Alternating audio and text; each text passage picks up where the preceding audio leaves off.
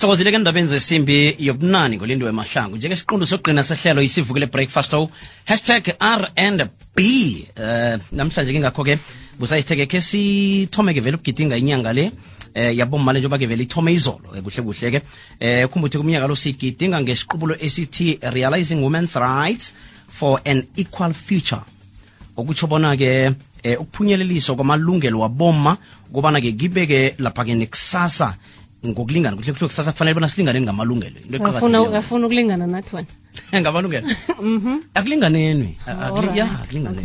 ngena akulinganeni. Bengicabanga ukuthi uzaba nomraro. Abobaba abanye bathi mm. man and ukulingana akutsho ukuphalisana begodwa akutsho ukuthi kunomuntu ozikhohlwako ukuthi yena yakhe Yeah, yeah. indima kufanele ukuthi ayilime noma ayidlale mm, emtshadweni emathandaneni nemsebenzini ngiyiphi. Asitsho ukuthi bobaba sifuna ukuza sizokuwola konke a a ningathukwa okay. Uyihlalise kuhle. Imnandi ke begodu nayikhulunywa Yeah. ngumma. Yebo. Injalo ke vele ke kuhle kuhle ke ukuthola ihlathululo edephileko eh ngesiqubulo isike sinokomshinara eh, ulindiwe nduli tlaubatla ovela ke ku-commission for gender equality khona emtatweni. Lotshani dadewethu ngithanda ukunilotshisa kukwekwezi FM siyavuma siyathokoza ukuba nawe. Khe usihlathululele lapha isiqubulo esigidinga ngaso sitsho ukuthi kufanele kwenzekeni emphakathini ukuphumelelisa amalungelo waboma ukuthi nawo abonakale? Mhathi angithome ngokuhlathulula ukuthi ikomishana yethu le sikhuluma ngayo namuhla inomberego owenzako oqakatheke khulu umberego okhuthazako amalungelo ovikela kumalungelo oqapha amalungelo abantu ubuye futhi uhlolisise amalungelo wabantu emphakathini. Engithanda ukuhlathulula futhi mhathi ukuthi i-generation equality le ithi realizing women's rights for an equa- equal future. Engakuhlathululayo ukuthi sibhekene nezinto ezifana ne- ne-gender transformation.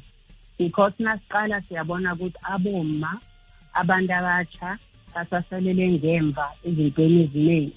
Sithi-ke asilungise lento ye-gender transformation.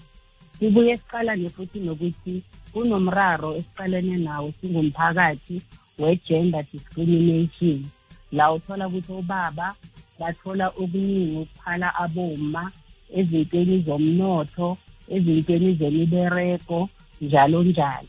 So sithi-ke asibereke singumphakathi kuyi-private sector nohulumende siberegisane ukuthi silungise le ndaba ye-gender transformation ne-gender discrimination. Kubuye futhi mkhathi kube nale gender based violence. Nasizokhuluma nge-gender equality nokurealize ama-women's rights angeke sihlathulule siye phambili ngale ndaba singakhulumi nge-gender based violence.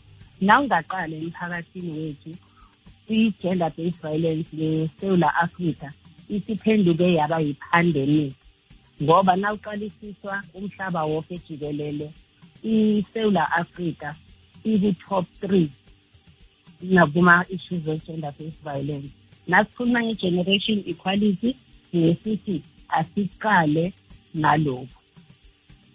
Iyezwakala akhe siqale-ke mhlawumbe ukuthi lokhu-ke ukuthi kukhonakala ukuthi mhlawumbe kwenzeke um lokho eseleke kubalile. Eh kufuneka mhlambe ngiliphi isekelo enicabanga ukuthi-ke liyafuneka nje. Eh ekutheni-ke mhlambe-ke kulungiswe-ke lento le kwazi ukuthi-ke kulinganwe mhlambe ngamalungelo. Kucale khulukhulu nendaba leke yokuhloriswa nokubulawa kwaboma lento le mkhathi ayifuni uhulumende kuphela. Mm. ifuna uhulumende ifuna osomabhizinisi ifuna umphakathi. Ifuna futhi siyithome ngekhaya. Ngendlela siphatha ngakho abantwana ngekhaya ngendlela esiphatha ngako aboma ngekhaya kuqakatheke khulu ngoba uma naselaphuma aya emphakathini uhluzekile futhi uyazi ukuthi kumele aziphathe kanjani and futhi kumele aphathike kanjani. Okunye ngithanda ukukusho mkhathi ukuthi na ubheka esewula afrika sinemthetho sisekelo emihle khulu. Ethandiwa umhlaba wonke jikelele. I-constitution yethu yihle kakhulu. So siyikhomishana ye-gender equality city asiyifunde le constitution yethu.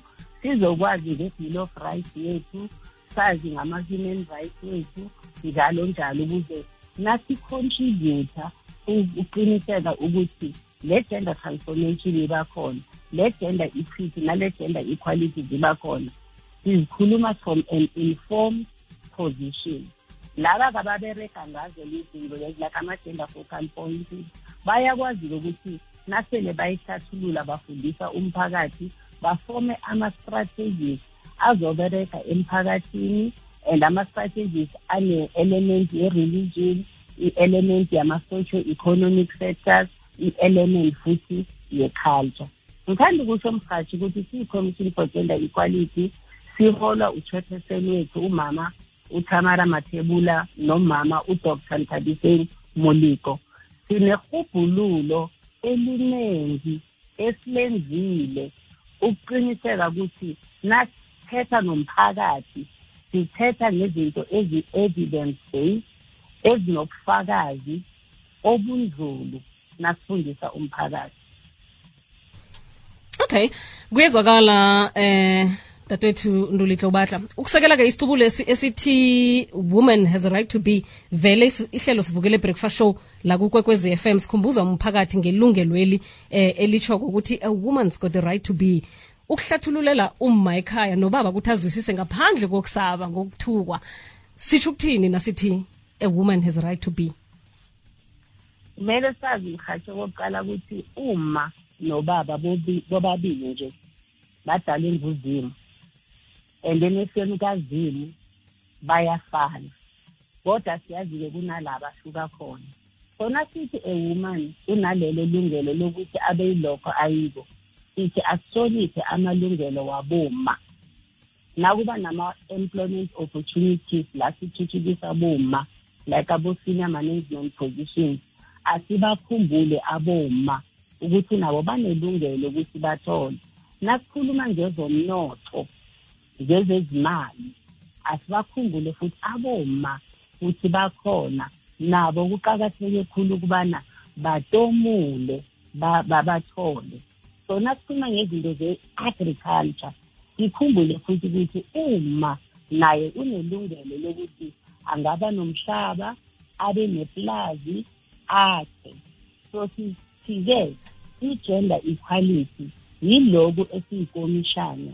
Esifuna ukukubona kwenzeka emphakathini ngoba naboma banelungelo lokuba baphile bathuthuke baye phambili.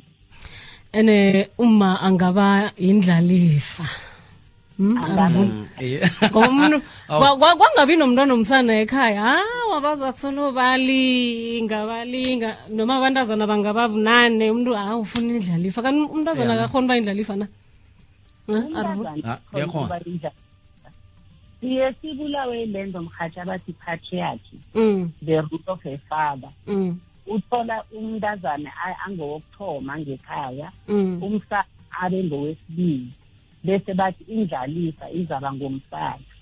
Cha uma umuntu ayi-firstborn asimnike amalungelo wakhe irrespective ukuthi ungumntazane noma ungumsana iyazwakala sithokoze khuluma kombala isikhathi sakho nelwazi osiphelona namhlanje siyathokoza kakhulu. Sicela ni-check-e kuwebsite yethu yekomishane nibone ama-programu esizowenza amahle kakhulu we-gender transformation. Kusasa nje sine-program esibizi ngayo nama-financial institution ekhuluma nge-economic empowerment siyafundisa siyakha. Niye nakuwebsayithi yethu naku-number yethu ithi 08 00 007709 thokoze mhathi on behalf of the commission for gender equality. Izwakele sithokoze khulu kwamambala. Thokoze. Hashtag umma wamambala